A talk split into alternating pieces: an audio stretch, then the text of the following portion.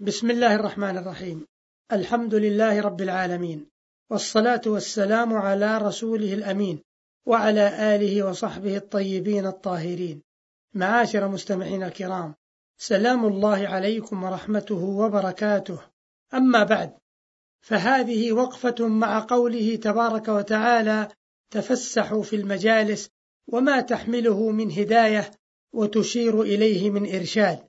فالتفسح في المجالس خلق عظيم ومسلك نبيل وقلة التفسح فيها خلق ذميم ومسلك شائن فهو ناتج عن ضيق النفس وحب الاستئثار وقلة المبالاة في الآخرين.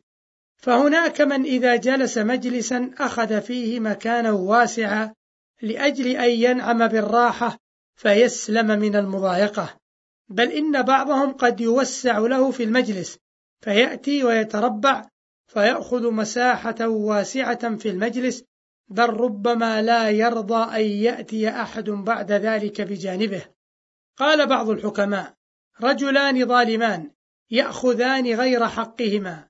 رجل وسع له في مجلس ضيق فتربع وتفتح ورجل أهديت له نصيحة فجعلها ذنبا. ولهذا معاشر المستمعين الكرام أدبنا الله عز وجل بأن نتفسح في المجالس. لما في ذلك من زرع للمودة وتوثيق لعرى الأخوة وتخلص من الأخلاق الذميمة. قال الله تبارك وتعالى يا أيها الذين آمنوا إذا قيل لكم تفسحوا في المجالس فافسحوا يفسح الله لكم. وإذا قيل انشزوا فانشزوا. قال الواحدي وابن عطية عن مقاتل وقتادة وزيد بن أسلم في تفسير الآية كان النبي صلى الله عليه وسلم يجلس في المجلس فجلس يوما وكان في المجلس ضيق إذ كان الناس يتنافسون في القرب من رسول الله صلى الله عليه وسلم وفي سماع كلامه والنظر إليه وكان الرسول صلى الله عليه وسلم يكرم أهل بدر. فجاءه أناس من أهل بدر فلم يجدوا مكانا في المجلس فقاموا وجاه النبي صلى الله عليه وسلم على أرجلهم يرجون أن يوسع الناس لهم فلم يوسع لهم أحد. فأقام رسول الله صلى الله عليه وسلم أناسا بقدر من جاء من النفر البدريين فعرف رسول الله صلى الله عليه وسلم الكراهية في وجوه الذين أقامهم فنزلت الآية. فقوله إذا قيل لكم تفسحوا في المجالس فيما إذا كان في المجلس ضيق فيتفسح الناس بدون أن يقوم أحد. وقوله وإذا قيل انشزوا فانشزوا أي إذا قيل لكم ارتفعوا وقوموا عن المجلس فافعلوا أي إذا أمركم الرسول صلى الله عليه وسلم في مجلسه بالقيام فلا تتحرجوا وهو ضرب من التفسح.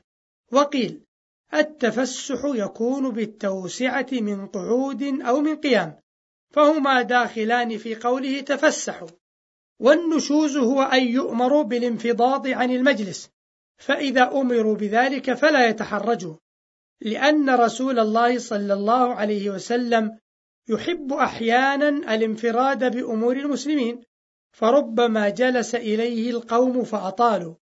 لأن كل أحد يحب أن يكون آخر الناس عهدا بالنبي صلى الله عليه وسلم وكل ذلك من فرط محبتهم إياه وحرصهم على تلقي هداه.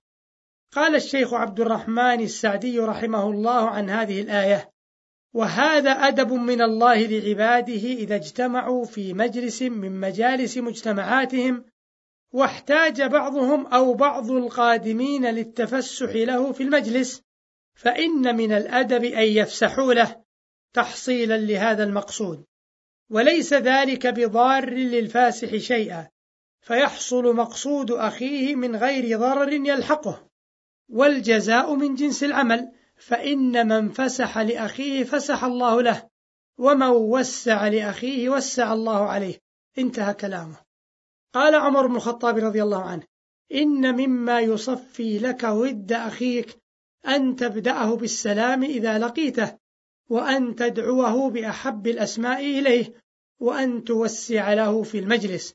وقال الأصمعي رحمه الله كان الأحنف إذا أتاه إنسان وسع له فإذا لم يجد موضعا تحرك ليريه أنه يوسع له.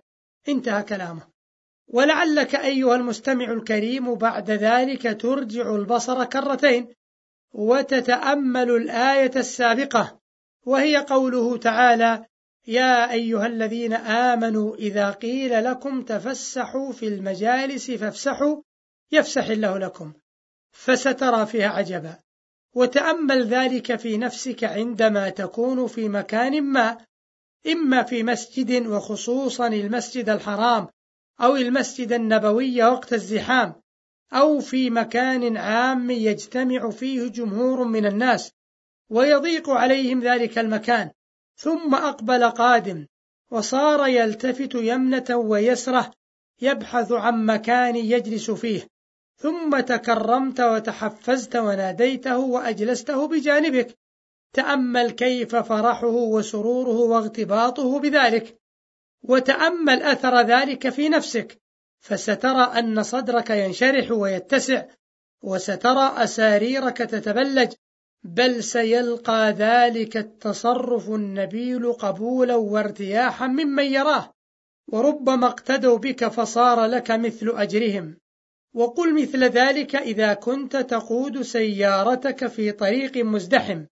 ثم أقبل شخص يريد فرجة ينص بسيارته من خلالها. ثم فسحت له الطريق وآثرته بذلك. تأمل حالك وهو يبتسم في وجهك ويتطلق لك ويرفع يده مسلما عليك شاكرا داعيا لك. وانظر في مقابل ذلك إذا قطبت في وجهه وتفتحت في مجلسك أو لم تتح له فرصة المرور بسيارته انظر إلى صدرك كيف يكون في تلك الحال وتأمل تقاسيم وجهك حينئذ. لا شك أنك ستشعر بانقباض صدر وكفهرار جبين وسرعة ثورة فهذا سر من أسرار تلك الآية الكريمة العظيمة. ولا يبعد أيها المستمع الكريم أن يدخل في إشارات تلك الآية فسح المجال للمتحدث وترك الاستئثار بالحديث في المجلس والبعد عن مقاطعة من يشرع بحديث أو تكذيبه أو إكمال كلامه فلعل ذلك كله داخل في مدلول الآية التي تشير إلى الأخذ بالإيثار وترك الاستئثار. فهذا أيها المستمع الكريم شيء مما تحمله هداية قوله تعالى يا أيها الذين آمنوا إذا قيل لكم تفسحوا في المجالس فافسحوا يفسح الله لكم. جعلنا الله ممن يفسحون لإخوانهم ويحبون لهم ما يحبونه لأنفسهم. وصلى الله وسلم على نبينا محمد. والسلام عليكم ورحمة الله وبركاته.